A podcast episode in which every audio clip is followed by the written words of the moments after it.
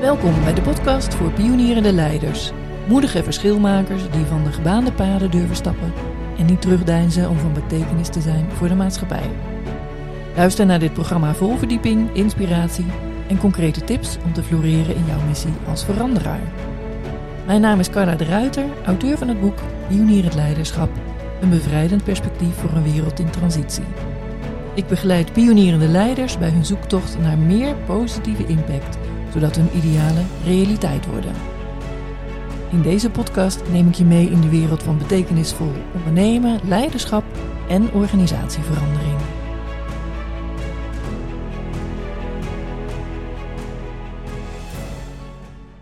In 2017 lanceerde de KRO-NCRV de virtual reality app De Verwarde Man. Deze app is gebaseerd op de ervaringen van Jeroen Zwaal. Jeroen heeft vijf keer een psychose gehad. Aan de hand van gesprekken met hem is zijn belevingswereld nagebootst. Nu leidt ervaringsdeskundige en kunstenaar Jeroen Zwaal politieagenten op in het omgaan met mensen in psychische nood. Hij laat hen met een virtual reality bril ervaren wat het is om te leven met een psychose. Daardoor ontstaat er meer begrip en een andere manier van denken. Vandaag is pionier Jeroen Zwaal bij mij te gast. Welkom. Dankjewel. Wat een mooie introductie. Ja. Ja, zo is het. Ja. Zo is het denk ik, hè? Ja. ja. Want jij hebt vijf keer een psychose gehad. Wanneer is dat ontstaan? Ja, dat is ontstaan um, als het over mijn eigen psychose gaat op mijn achttiende. Toen werd ik voor het eerst psychotisch. Maar ik was getuige van een psychose van mijn broer. En dat was in 1980 ongeveer of iets daarna. Dus ja, de ontstaansgeschiedenis van zo'n hele dynamiek, dat, uh, dat was eigenlijk al heel vroeg in mijn leven. Ja, jeetje. En kan je daar iets meer over zeggen wat er gebeurde? Was er een aanleiding? Oh, dat is een hele open vraag. En dan denk ik, nou ja, heb je even 2,5 uur? Want dat, dat nou, zo gebruik ik hem in mijn workshop natuurlijk ook. Ja. ja, er zijn heel veel aanleidingen. Nou, als het dan echt over mijn eigen psychose gaat, dan was de aanleiding heel direct dat ik me heel veel zorgen maakte over mijn eigen vader. En um, de aanleiding daarvoor is dat mijn moeder overleed op mijn vijftiende. En ook een aanleiding dat ik in de tentamenperiode zat in HAVO 5. Nou ja, die combinatie dat er tussen mij en mijn vader van alles speelde, waar ik me verantwoordelijk voor voelde, en dat niet kon oplossen in mijn hoofd als 18-jarige, dat maakte dat ik niet meer sliep. En als je dan twee weken niet slaapt, ja, dan, uh, dan draai je door, zoals dat dan heet. En in het doordraaien had ik, terwijl ik dus psychotisch raakte, ook een betekenis. Dat ik doorhad van, hé, hey, het gaat echt niet goed met mijn vader, hij gaat onderuit. Dat kon ik tekenen als laatste redmiddel, zeg maar. En met die tekening ben ik naar de conrector gegaan op school. En dat geprobeerd uit te leggen, maar dat werd dus een heel verwarrend verhaal. Maar vier jaar later bleek dus inderdaad dat mijn vader ook psychotisch werd en een zelfmoordpoging deed. Dus we zitten meteen al flink heftig nu in de materie. En toen wist ik van, hé, hey, maar ik had dus gewoon gelijk. Nou, die bevestiging, die heb ik zo vastgehouden mijn hele leven dat ik wel op mijn achttiende erken dat ik ziek ben, of dat ik patiënt ben, of dat ik een stoornis had, of noem het allemaal maar, wat, wat de GGZ dan op mij plakte. Maar ik wist heel goed diep van binnen van ja, maar dit gaat niet alleen over mij. Er is iets aan de hand wat ergens weet ik het of ik snap het, maar ik heb heel veel tijd nodig om dit uh, een plek te geven. Ja, en je zegt ik, ik had dus gelijk en dan doe je echt op dat je wist van hé, hey, er is gewoon een andere oorzaak dan dat de GGZ mij vertelt, wat de oorzaak nou, is van een psychose. Heel direct had ik gelijk in het idee van de betekenis die ik op die tekening had gemaakt, dat ik dus gewoon letterlijk een mannetje aan een parachute die denkt dat hij veilig landt, maar ik zei tegen de conrector, kijk, dit, hij denkt dat het een parachute is, maar het is een ijsje. Zo zeg ik dat ook altijd in de workshop. De vorm, ja, je bent ook mm. beelddenker, had ik al gezien. De vorm van zo'n ijsje is hetzelfde als een parachute. Even als je een beetje ja. associeert. Nou, dat ik daarmee bevestiging krijg voor mezelf, dat ik heb aangevoeld dat mijn vader echt heel hard onderuit zou gaan. Dat, dat bleek dus waar te zijn. Maar dat kan je in het moment niet weten. Dat gebeurde vier jaar later. En zo heb ik mijn hele leven lang uh, geweten van ja, het is een en-en verhaal. Ja, ik ben ziek. Ja, ik was in de war. En ja, er is ook meer aan de hand. En ik ga eruit puzzelen. Dat is deels onbewust gegaan, maar ook heel bewust natuurlijk. Want ik wil natuurlijk snappen waarom ik zelf onderuit ga. Ja, ja. En dat begrip is er dus gekomen. Ja, ik snap het helemaal, zeg ik even heel eigenwijs. Ja. En dat is ook lastig, want het is zo'n groot verhaal. Um, ja, dat is, dan vlecht ik daar doorheen ook gewoon mijn eigen hulpverlenersrol. Want ik ben me vanaf 1997 gaan opleiden tot social work, hulpverlener. Uh, dus ik leerde heel veel over andere mensen en andere psychopathologische aandoeningen, dingen. ja, en daardoorheen zit natuurlijk ook steeds mijn eigen verhaal. Dus ik ben onbewust steeds mijn eigen verhaal gaan koppelen aan, aan wat ik in mijn omgeving zie. Ja, en als jij zou zeggen van wat is nou precies een psychose vanuit jouw optiek? Dan is het meest makkelijk om te zeggen, het is een gezonde reactie op een ongezonde omgeving. Ja, en dat is niet wat de GGZ zegt, denk ik, hè, over een psychose. Nee, nee. Um, men een zucht erbij, want het is echt aan het veranderen. Ehm, maar als ik terugblik over mijn eigen periode, was het toen van je hebt een disbalans in de hersenen en dat heeft met neurotransmitters te maken en daar hebben we medicatie voor. Dus als jij dit braaf slikt, dan kan je een prima leven leiden. Ja. En je hebt dus een ziekte, of destijds zeiden ze, je hebt een, een manisch-depressieve stoornis, je hebt een stemmingswisseling. Dus het is vooral symptoomgericht, probleemgericht kijken en verder dan maar dat zo laten. En dat is wel met de beste intentie, maar we komen er gewoon nu achter dat er heel veel onder zit en achter zit. En uh, trauma, en nou ja, dat is helemaal hip nu, dat woord. Ik kan het bijna niet meer horen. maar ik ben er wel heel blij mee, want ook dat is weer een soort van bevestiging van ja, kijk, dit heb ik mijn hele leven al geweten aan de hand van mijn eigen leven. Ja, kan je zeggen dat je jezelf hebt genezen? Nou, genezen vind ik een moeilijk woord, want ik heb nog steeds schade, merk ik. En het is nu vooral lichamelijk. Um, herstellen is een andere betekenis. Dus de nieuwe betekenis van positieve gezondheid is ook leren omgaan met, met wat je hebt en daar kwaliteit van leven uithalen. Ja, dat heb ik wel zelf kunnen doen. Met hulp van heel veel anderen en andere factoren natuurlijk ook. Maar ik, ik ben daar nu al helemaal klaar mee, ja, dat ja, stuk. Ja. ja. Nou, dat is wel heel buitengewoon hè, in onze wereld die daar op een andere manier naar kijkt. Ja, ik weet ook dat ik daar een soort van eenling in ben. En dat is niet helemaal waar, want er zijn echt wel heel veel mensen. Ik ben ook als een soort magneet. Hè? Als mensen weten dat ik daar open over ben, dan durven mensen mij ook te vertellen dat ze zelf ook zo'n crisis hebben gehad. Misschien maar één keer. En dat ze een prima leven hebben. Maar ik ken weinig mensen die vijf keer psychose hebben gehad. En dan zo helder en nuchter en nou, nuchter. Deels nuchter. In ieder geval aan de grond. En dat ook nog zo op een goede manier kan kunnen verwoorden, zeg maar, of verbeelden. Dat is echt wel een uitzonderlijke positie. Ja. En dan staat dan ook nog een VR over gemaakt wordt, ja, dan is het helemaal gek aan het worden natuurlijk. Want, ja, ja, absoluut. Want vertel eens even iets over, uh, over die bril. Want die app die kwam er dus in 2017. En hoe is dat vervolgens, hoe heb jij dat verder opgepakt? Ja, de aanloop was heel bijzonder dat ik daarvoor eigenlijk, het is een lang verhaal, dus daarvoor werd ik al uitgenodigd door KRO-NCV door een eigen Twitter berichtje. Dus je had toen uh, dossier verwarde personen. Uh, dat ze vroegen van onderaf van de monitor was dat. Uh, van hey, we zijn heel benieuwd naar verhalen over psychose. Wie kan er iets over vertellen? Dat was mijn eigen uh, stap al van hey, ik ben docent of ik sta voor de klas met dit verhaal. Ik ben ervaringsdeskundige, ik ben naaste, ik ben zelf patiënt. Ja, ik wil hier wel graag over delen. Dus dat was al een moedige stap. Toen kwam er een internet-item en die is al heel vaak bekeken op internet. Dus dat is iets van 20.000 keer. Um, over mijn eigen stukje daarin in 2005.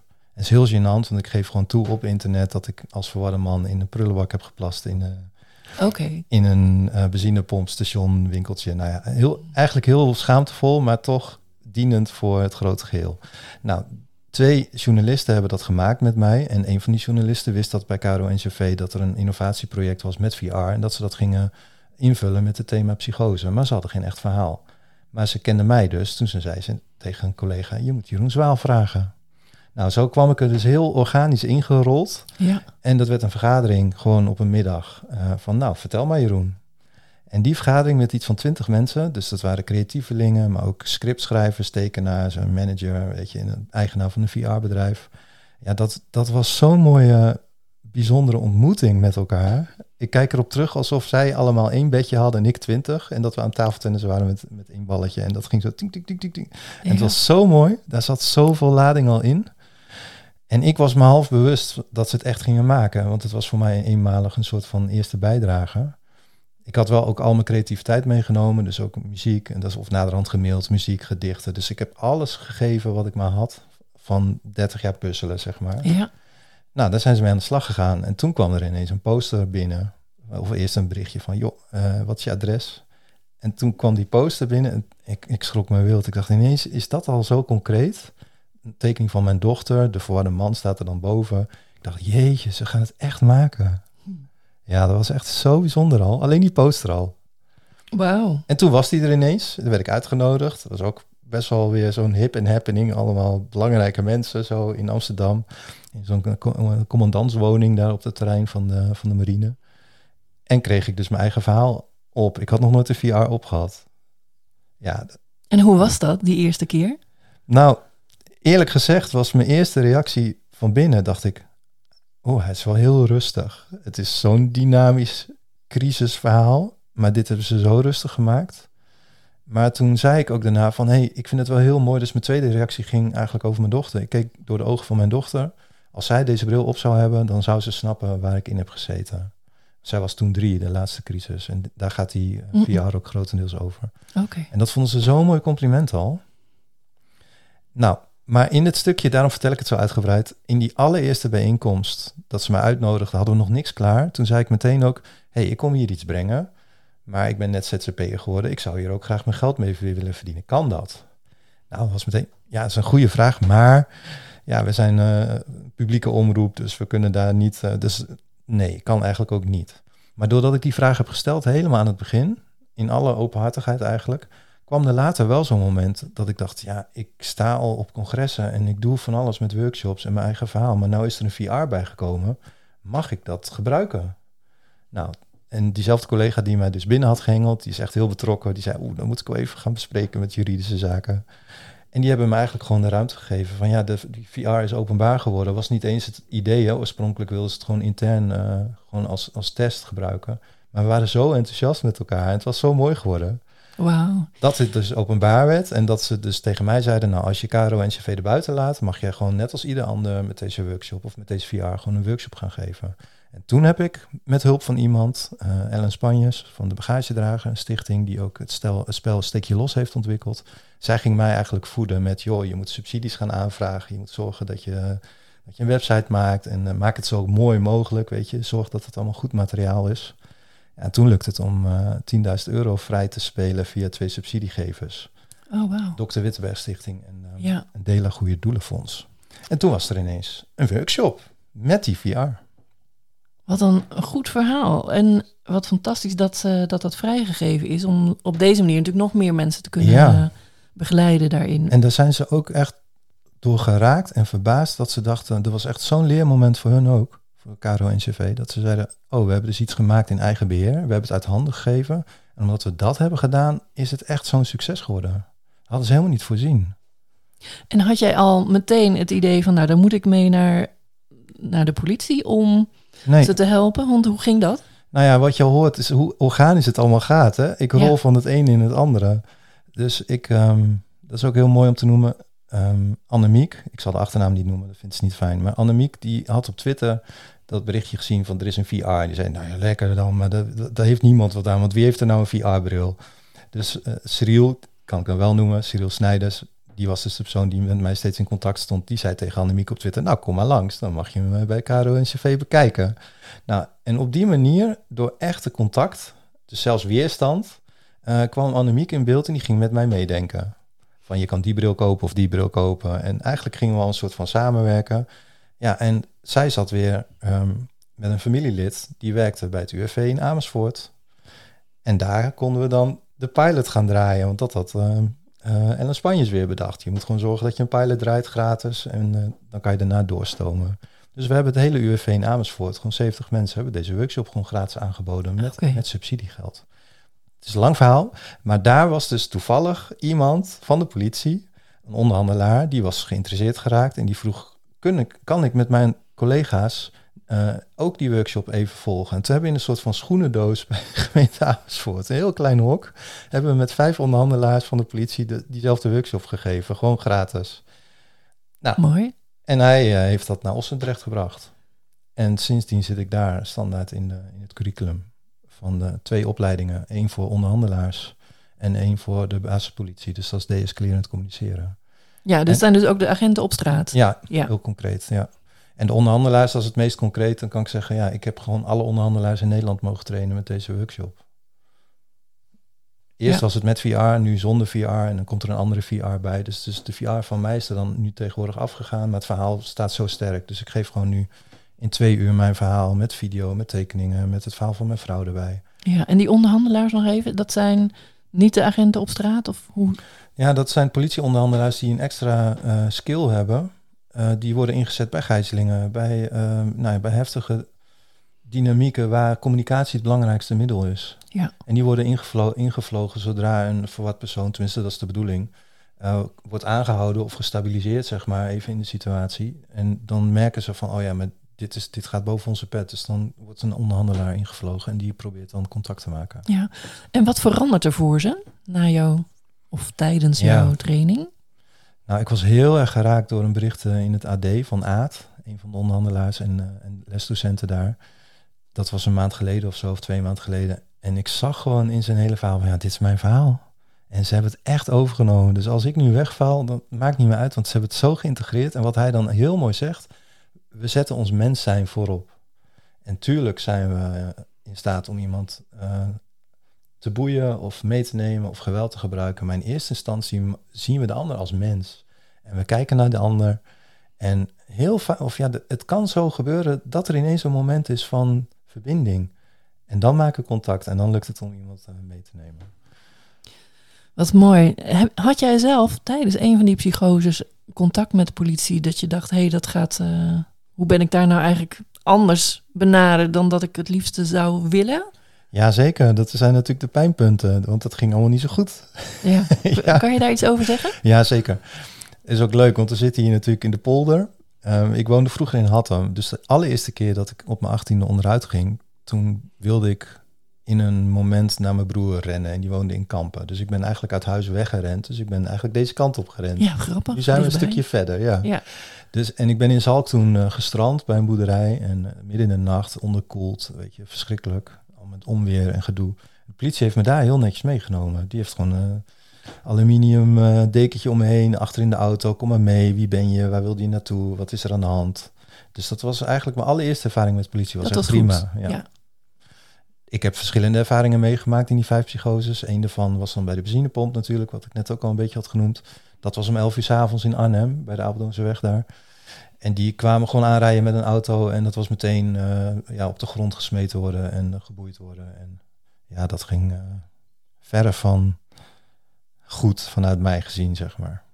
Okay. En de laatste keer, daar gaat mijn workshop ook het meest over, in een thuissituatie met mijn vrouw en mijn dochter. En daar hebben ze eerst heel lang geprobeerd het gesprek aan te gaan. Dat is heel lief, zeg ik maar, maar dat werkt niet. Uh, want ik wilde gewoon niet mee het huis uit. En toen dachten ze, oké, okay, nou gaan we versterking inschakelen. En toen kwamen er echt twee van die uh, kleerkasten. En toen wist ik ook, dit wordt geen gesprek. Ja. En dat was het ook niet. Dus wat ik nu eigenlijk ze leer, is dat je dat ene stuk, het praten, kan je veel korter doen. Maar het handelen om mij uh, met eigen, ja, hoe zeg je dat, met hun autoriteit een beslissing te maken dat ik mee moet. Dus dat ze mij twee keuzes geven, bijvoorbeeld, is een praktische tip. Um, dat kan iets vertraagd worden. Ja. ja.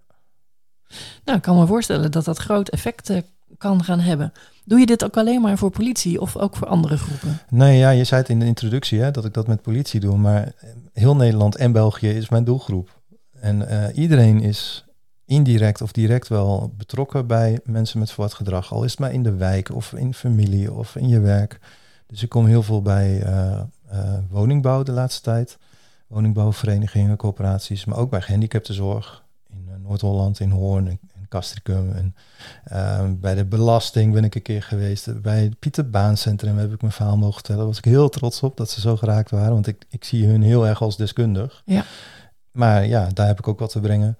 Uh, ook bij Trajectum in Drenthe. Dus hebben ze multiproblematiek, forensisch uh, en psych psychotisch en nog van alles en dus ook strafbare feiten. En daar zeggen ze van ja, dit weten we allemaal, maar hoe jij het nu brengt, nou vallen alle kwartjes wel op zijn plek. Wat mooi. Ja.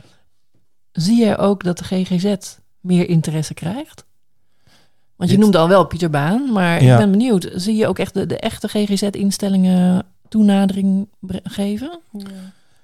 Dat is een hele lastige en ik vat het een beetje samen met daar ben ik nog niet zo welkom. En dat is een dan zeg ik het netjes. Ik ben natuurlijk zelf, als ik, ja natuurlijk, maar dat is lastig misschien als je het hele verhaal niet kent. De GGZ heeft natuurlijk heel lang met pillen en praten gedacht van zo los wat op. En daar heb ik ze ook heel veel schade van ondervonden. Want achteraf gezien kan ik zeggen na 30 jaar, maar dit was helemaal niet goed. Dus er heeft heel lang ook wel echt wel heel veel boosheid gezeten en rancune. En dat heb ik inmiddels losgelaten, omdat ik nu ook zeg, ja, jullie wisten het niet, ik wist het ook niet. Daar kunnen we heel lang over soebatten, maar dit is wat het is. Ehm, maar dat ik hier sta op een andere plek wil nog niet zeggen dat de GGZ daar ook al staat, grotendeels. Dus een deel wel. Een deel weet heel goed nu dat traumabehandeling heel belangrijk is bij mensen met psychose. En dat nabijheid heel belangrijk is en echte menselijkheid. Alleen het systeem is nog niet zo ingericht. Het systeem is ook nog zo ingericht dat de GGZ denkt dat zij als enige verantwoordelijk zijn voor iemand in psychose en dat ze behandeling moeten geven. Maar dan, nou, daar komen we nu ook achter dat de politie heeft iets te doen, de gemeente heeft iets te doen, de GGZ heeft iets te doen, de wijk heeft iets te doen. Dus het is zo complex om het met elkaar op te gaan lossen. Daar ben ik welkom. Dus in die dynamiek, in Arnhem bijvoorbeeld, waar ik dan woon, uh, zit ik in beleidsoverleggen en ik zit bijvoorbeeld in een taskforce, uh, wacht, wachttijden GGZ. Dus het uitpuzzelen van hoe dan wel, daar ben ik heel erg welkom. Maar in de GGZ zelf, dus echt de behandelaren, de psychiaters, uh, om mij dan te ontvangen, dat is ja, ik vul het een beetje in voor hun een te grote stap, denk ik. Ja, gewoon nog niet. Maar wie weet komt dat in de toekomst. Hè? Dat zou natuurlijk mooi zijn dat ze door de ogen kunnen kijken van iemand met een psychose. Ja, zeker. Ja. Het is niet helemaal zo, want um, ja, het is al, we hebben het GGZ, zo'n containerbegrip, of psychiaters. Ja. Er zijn ook heel veel psychiaters die juist heel erg positief en, en, en constructief bezig zijn bijvoorbeeld bij de huisartsenopleiding eh, geef ik dan ook mijn, uh, mijn workshop of mijn training. En dan zit er parallel aan die klas, een andere klas, een psychiater echt handen klappen te vertellen. Ik mag eindelijk traumabehandelingen geven aan mensen met psychose.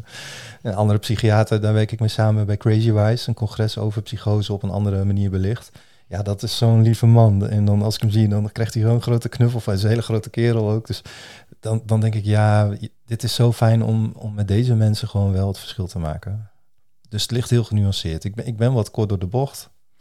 Maar ik denk wel dat ik een punt heb dat het, uh, dat het nog even duurt, ja. Ja. Nou, toen ik startte met Pioniers Magazine in 2015, had ik, om daar even bij aan te sluiten, veel ja, pioniers natuurlijk, daar waar ik, die ik interviewde of die ik tegenkwam. En veel projecten op alle vlakken van de maatschappij, behalve de psychiatrie. Dus dan, toen ik jou tegenkwam, dacht ik, hé, hey, nou, hè, hè, er, er, is een beweging. ja, ja, dat moet ik heel eerlijk zeggen. Dat ik dacht, oh, ik, was er, ik werd er echt heel blij van. Want ik kan ook bijvoorbeeld zien in mijn uh, vriendenkring, daar is ook momenteel iemand met een psychose.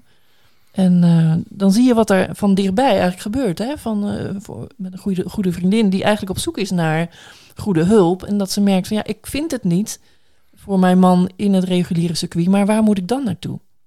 Ja, dat is heel schrijnend. En dit is wel wat er veel gebeurt. Uh, ouders die met hun kinderen zo zitten of een partner. Um, en dan heb je te maken, ja, ik ga het toch maar even uitleggen, ook, ook namens GGZ, te maken met gewoon tekorten. Tekorten van personeel, van plekken. Uh, dus we moeten heel strikt zijn in wie laten we binnen en wie niet. Uh, wat ook een dilemma is. Um, ik zit ook het woord marktwerking, schiet ook al doorheen. Dat is natuurlijk ook, heeft heel veel perverse prikkels ook. Um, wat ik eigenlijk naartoe wilde is dat de oude manier van kijken daarnaar, we komen in beweging als iemand een gevaar is of voor zichzelf of voor, zijn, voor de samenleving, dan ben je al te laat. Dus, dus daar zit ook iets heel lastigs in, dat er wordt beoordeeld, ja, we kunnen u helpen, maar dan moet het eerst helemaal mis zijn. En jij zegt dat kan eerder. Zeker, ja. Alleen is dat dan van de GGZ? Nee, niet alleen. Dus het is zo lastig. Ik vergelijk het ook wel eens met omgewaaide bomen. En je kan van alles doen om omgewaaide bomen tegen te gaan, maar je weet van tevoren niet wanneer een boom omwaait. Ja. moeten we dan alle bomen een paal daarnaast gaan timmeren? Nee, dat is ook niet het geval. Ja, heeft iemand dan zelf de verantwoordelijkheid om niet om te vallen? Ja, dat vooral. Maar ja, uh, dat is het moeilijke met psychose. Je weet niet wanneer je voor de eerste keer onderuit gaat. Dat is zo'n glijdende schaal en ineens is het mis. Dan is familie ook in paniek. Ja, dan moet er iets. Ja, dan zitten we in een systeem waarin we pas eerst vaak met ziekte, met mentale stoornissen, eerst een diagnose moeten hebben. En dan komt er geld en dan komt er een beweging en dan komt er een behandelaar in beeld. Dus het sluit totaal niet aan op elkaar. En als jij het voor het zeggen zou hebben, van nou jij krijgt een toverstafje en je zou het kunnen regelen, hoe zou dat dan gaan? Ja, en dan ga ik dus ook heel, heel vroeg preventief al iets doen. En dan zou ik zeggen, dat is misschien een hele gekke opmerking, maar dat is eigenlijk mijn enige echte oplossing. Zet overal op school twee docenten voor de klas in plaats van één. Daar heb ik heel lang over nagedacht. Maar als ik nou kijk wat ik als jongere nodig had, is een veilig klimaat. En vaak is dat niet op school of thuis, maar kan dat op school wel zo zijn. Een veilig klimaat is dat, een, dat je als kind ziet dat twee volwassenen samenwerkend een veilig klimaat neerzetten. En dan is er veiligheid om te kunnen praten en gevoelens te delen. Dat was oorspronkelijk thuis zo, maar we zitten in een samenleving waarin dat vaak niet zo is met twee werkende ouders. Maar op school zou je dat kunnen creëren weer. En dan ook een man en een vrouw. In ieder geval de mannelijke dynamiek en de vrouwelijke dynamiek. Zo. En als dat lukt, dan leren kinderen eigenlijk automatisch vanuit coping. Oh, dat, zo kan het dus ook. Volwassenen kunnen dus gewoon samenwerken met elkaar. En wat fijn, want nou durf ik me ook te laten zien en ook mijn kwetsbare kant. Als dat zo is, kan je dus allerlei issues waar jongeren mee lopen of kinderen, kan je eigenlijk al tackelen en je leert kinderen hoe ze dat zelf kunnen leren tackelen in hun latere leven. En als ze dat kunnen en ze zijn volwassen, dan zullen ze niet zo snel psychotisch worden. Wauw. Ik ben er even stil van. Ik vind het een hele mooie, mooie invalshoek. Nou, wie weet. Ehm, vind jij jezelf een pionier? Ja, dat is een goede vraag. Het gaat over pionierend leiderschap. Hè? Als je vraagt, vind je jezelf een leider, dan, uh, dan moet ik heel wat lang nadenken. Ik denk, nee, want ik kan mezelf amper volgen, zeg ik een beetje als grapje. Maar, en dat is ook niet waar trouwens. Maar ik ben wel een pionier, ja. Want waar, waar merk je dat aan? Dat ik altijd mijn eigen routes kies. En uh, ja, als het hoog gras is, is het hoog gras. En dan krijg ik hele natte voeten. Maar dat is dan maar zo. Ik, ik ben zo eigenwijs. Ja, ik hou helemaal niet van Nederland met allemaal bordjes en hier moet je lopen. En dus als ik de kans krijg, ga ik echt dwars door een veld. En, uh, je bent een vrije geest. Ja, dat, dat ook. Maar een vrije geest is nog geen pionier. Want pionier is wel heel erg aan de grond iets doen, vind ik. En echt iets in elkaar zetten of knutselen of ergens aan beginnen wat er nog niet is. En dat zit zo in mijn aard om dat op die manier altijd al te doen. Ja. ja dus ik, als ik terugblik op mijn werk, ben ik meestal gaan werken op plekken die net ontstonden. Dus een nieuwe woongroep voor minderjarige asielzoekers, een nieuwe plek voor jongeren. Uh, bij een RBW was dat een beschermd wonen. Die, vanaf 14 jaar, dat bestond daarvoor nog niet en toen ineens wel. Een nieuwe opleiding tot ervaringsdeskundige. Ik zit altijd aan de voorkant, ja. Nou, dan gaan we eens kijken naar de uitslag van uh, de pionierstest. Oeh, ik ben benieuwd.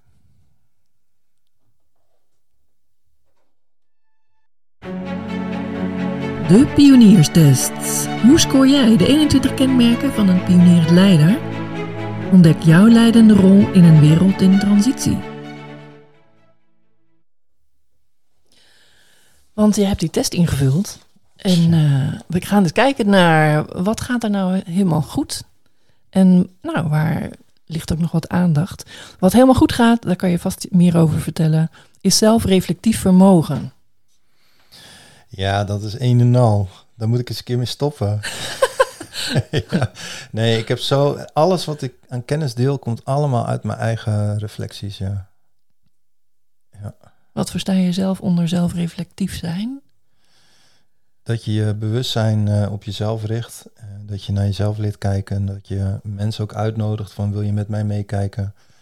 Um, kwetsbaar opstellen. Um, het ja, ik zit in elkaar dat ik het eerst wil snappen, maar dan komt ook het voelen vrij. Dus ook de emotie daarin onderkennen. Ja, eigenlijk je, je eigen pijn aankijken, je eigen duiveltje zelfs accepteren dat die erin zit. Dus zwart en wit, ja, het is allemaal heel vaag gekletst en spiritueel, maar daar gaat het wel over. Jezelf leren kennen en jezelf ook erkennen. En ja, dan ook, dat is dan de mooie kant, denk ik, dan ook jezelf uitdagen om je talenten ook tevoorschijn te laten komen. Dus het is een soort van kleur bekennen. Mooi, kleur bekennen, ja. Hoe zit dat als iemand psychotisch is met zelfreflectief vermogen? Dan, um, dan ben je dat helemaal kwijt. Ja, je reflecteert enorm. Je bent een spiegel wat dat betreft. Maar je hebt echt niet meer door dat je. Ja, je weet niet meer wat je zelf bent en wat de ander is. Je gaat helemaal op in één grote omgeving, want je hebt geen filters meer. Je staat helemaal open.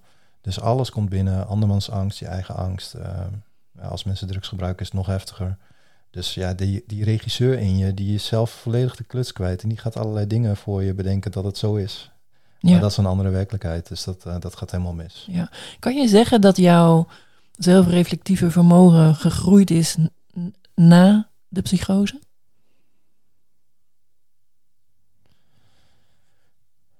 Vind ik een hele moeilijke vraag. Um, ik denk het niet. Ik denk dat ik het altijd al gehad heb in de basis. Oké. Okay. Ja, en, en de psychose heeft me wel leren inzien dat er veel meer is dan alleen de gewone werkelijkheid. Dus een vis zit in het water, hij springt eruit en hij ligt ineens ergens te spartelen. Oh, er is dus ook nog iets als niet water. Ja, dat, dat voegt wel veel toe aan je reflectief vermogen. Ja. Dat wel. Ja. Als ik kijk naar deze uitslag van de test, want dat zijn 21 kenmerken hè, van een pionier het leider. En we lichten er nu eventjes een paar uit. Manifestatiekracht is er eentje waarvan uh, je eigenlijk ziet bij jou dat die nou, nog niet zo heel groot is. Dat klopt. Ja, want ja, manifesteren is ergens misschien ook heel lineair. Oké, ik wil dit en ik bereik het. En dat doe ik via zo A, B, C, punt, klaar, daar ben je. Nou ja, als je al in mijn verhaal hoort hoe die VR ontstaan, is heel organisch. Dus ik ga altijd alle kanten op. Ik blijf gewoon staan. Ik groei aan, aan alle kanten iets. En ja, zo zit ik in elkaar. Ik heb de ander daar heel erg bij nodig. Ik kan van mezelf niks manifesteren. Ik ben een, ja, een soort wolk. Ja. ja, een wolk krijgt een deur niet open. Ik kan wat meetochten en zo. Dus ik heb heel veel moeite om heel erg bij mijn eigen kern te blijven. En heel concreet, heel simpel, gewoon hele simpele dingen te doen. Wat dat betreft zit ik zo gek in elkaar. Als ik het geheel helemaal overzie en snap, dan durf ik heel voorzichtig een stapje in dat veld te zetten. Ja. Ja, dat is echt een enorm handicap. Maar het is ook handig, want dan heb je een hele mooie overview. Dus ja, alles heeft zijn voor- en zijn nadelen. Ik moet eerst helemaal uitpuzzelen. En dat is helemaal niet handig als ondernemer. Er zijn zoveel onzekerheden, dat kan helemaal niet. Ja, nou ben je natuurlijk ook kunstenaar. Laten we het daar even over hebben. Ja, Want daar komt natuurlijk wel creativiteit naar voren. Dat is ook een deel van de creatiekracht. die is er weer wel. Ja, Dat doe ik echt in, in zo snel. Heel klein voorbeeldje. Ja, dat is leuk om te noemen. Maar zoals gisteren, dan hebben we toevallig boodschap gedaan, los van elkaar, mijn vrouw en ik. Dus we hebben drie bakken aardbeien in de koelkast. En die, die zijn gaan schimmelen. En we hadden ook nog een meloen, die was ook gaan schimmelen. En dan zie ik dat zo liggen en dan kan ik niet weggooien. Dat vind ik zo zonde. Want er zitten nog wat stukjes goede aardbeien in. Mijn dochter, ja, dat ga ik echt niet nemen hoor. Die is 14. Ik denk, nou, we kunnen er nog jam van maken, zo hè. Dus er zit een soort spanningsveld van, ja, wat doe ik hier nou mee? En dan ineens komt die creatieve ik. Denk ik, ik ga er een foto van maken, die ga ik bewerken. En dan wordt het een schilderij of wat ook. Ga dat filmen. Dus ik ben die meloen, halve meloen met aardbeien erop. Heb ik dan buiten op tafel gezet gisteren. Dus voordat ik hem weggooi, maak ik er eerst iets van. En dat gaat zo snel, want ik zet de camera aan en ik maak een foto. Of ik heb daarvoor even een gedicht gemaakt. Ik zie dat beeld en dan heb ik een gedicht gemaakt. Dat vloept er echt in 10 seconden uit. Nou, en dan zet ik de camera aan en dan ga ik het filmen. En dan lees ik die tekst voor in, in dat filmpje. En dan, dan heb je een, iets gemanifesteerd met schimmelaardbeien. Ja, en dan gooi ik het weg. ja. Dan heeft het in ieder geval een, een goed doel nog gediend. Ja, en zo zit ik wel in elkaar. Ja. Dat ik eigenlijk van gedoe of van dingen die niet kloppen, daar, dat, dat zit in mij om het kloppend te maken. En Ja. dat, dat kan ik op creatief vlak heel snel. Maar om daar vervolgens weer een verdienmodel achter te hangen of mezelf als kunstenaar te manifesteren, dat vind ik dan weer heel moeilijk. Dus echt de praktische kant eh, kan dan eh, lastig zijn, hè? Ja, ik heb als voorbeeld die mevrouw, ik weet haar naam nooit, met, eh, met die stippenkunst uit Japan. Die, heeft, die is dan ergens ook GGZ-cliënt, want die moet stippen maken, anders dan draait ze volledig door. Maar ze kan prachtige dingen maken. Echt heel mooi. Ik had een museum voor Linde, heb ik eh, werken van haar gezien. Zo'n infinity cube met allemaal lampjes en spiegels. En denk ik, ja, dit is geweldig. Ja. Maar die heeft een heel team om zich heen verzameld die dat allemaal doet. En denk ik, Ja. ja, dat, oeh, dat zou ik heel tof vinden. Nou, wie weet, voor de toekomst. Nou Blijven dromen. Precies, daar, eh, iedereen die dit hoort. Sowieso, voor de toekomst. Hoe gaat dat er voor jou uitzien? Heb je daar ideeën? Want ik begreep dat je het ontzettend druk hebt. Ja, dat klopt. Dat is een goed teken. Nou, weet ik niet. Ja, financieel gezien wel. Maar ik merk, ja, ik heb een rol achter de rug als hulpverlener dat ik mezelf zo kon vermoeien door steeds met andere mensen bezig te zijn. Dan, dan liep ik mezelf voorbij. En dat wil ik echt nooit meer doen. Maar er komt nu een maand juni aan dat ik echt zo vol zit. 130 BOA's trainen in Utrecht, de politieacademie, 16 uur. eh, bij een opleiding als coach nog even invallen. Dus ik, ik hou mijn hart vast. Van, oh, als dat maar goed gaat. Maar het feit dat het zo klopt en dat ik zo word uitgenodigd, dat is natuurlijk echt fantastisch. Ja. Dus die toekomst die is wat dat betreft heel solide. De politie zegt ook, ja Jeroen, eh, we willen jouw stuk gewoon in het curriculum nu landelijk bij de politie gaan onderbrengen. Dus ja, daar willen we je echt wel bij betrekken. Ja, dat, dat, dat kan ik amper voorstellen. Dan denk ik, ja, hoe gaan we dat doen? Maar tuurlijk gaan we dat doen.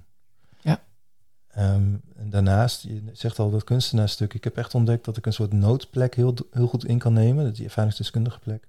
Maar de kunstenaarsplek staat er helemaal los van, vind ik. En daar wil ik wel naartoe groeien. Dat ik gewoon niet meer uit nood ergens nodig ben. Maar gewoon kunst maak in alle rust. En, ja, en dan komt er een toekomstbeeld van een huisje ergens. Of in Frankrijk of in IJsland misschien wel. Of, of gewoon een rustige plek met een atelier. Het hoeft geen groot huis te zijn, maar een grote schuur. En dan wel, ja, mensen welkom kunnen heten in workshops en daar vooral zelf uh, mooie kunst maken. Dat is, uh, daar ga ik helemaal op aan. Ja. Nou, mooi de dingen die je doet. Waar kunnen mensen jou vinden? Op welke website? Ja, mijn eigen website is jeroenzwaal.nl. Maar ook uh, de website VR De Verwarde Man. Want ja, dat ben ik natuurlijk ook geweest, zeg ik altijd zo.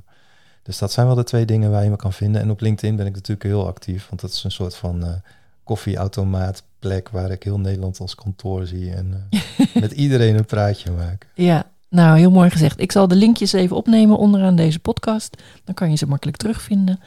Jeroen, dankjewel voor dit mooie gesprek. En heel veel succes. Ja, dankjewel. Dankjewel voor het luisteren. Wil je op de hoogte blijven en er geen aflevering missen? Abonneer je dan op deze podcast en laat een review achter. Heb je mijn boek Pionier het Leiderschap al gelezen? Het is een must voor pioniers, verschilmakers, veranderaars die oog hebben voor de toekomst. Je bestelt deze eenvoudig via pionierhetleiderschap.nl. Op deze website vind je allerlei mogelijkheden om met Pionier het Leiderschap aan de slag te gaan.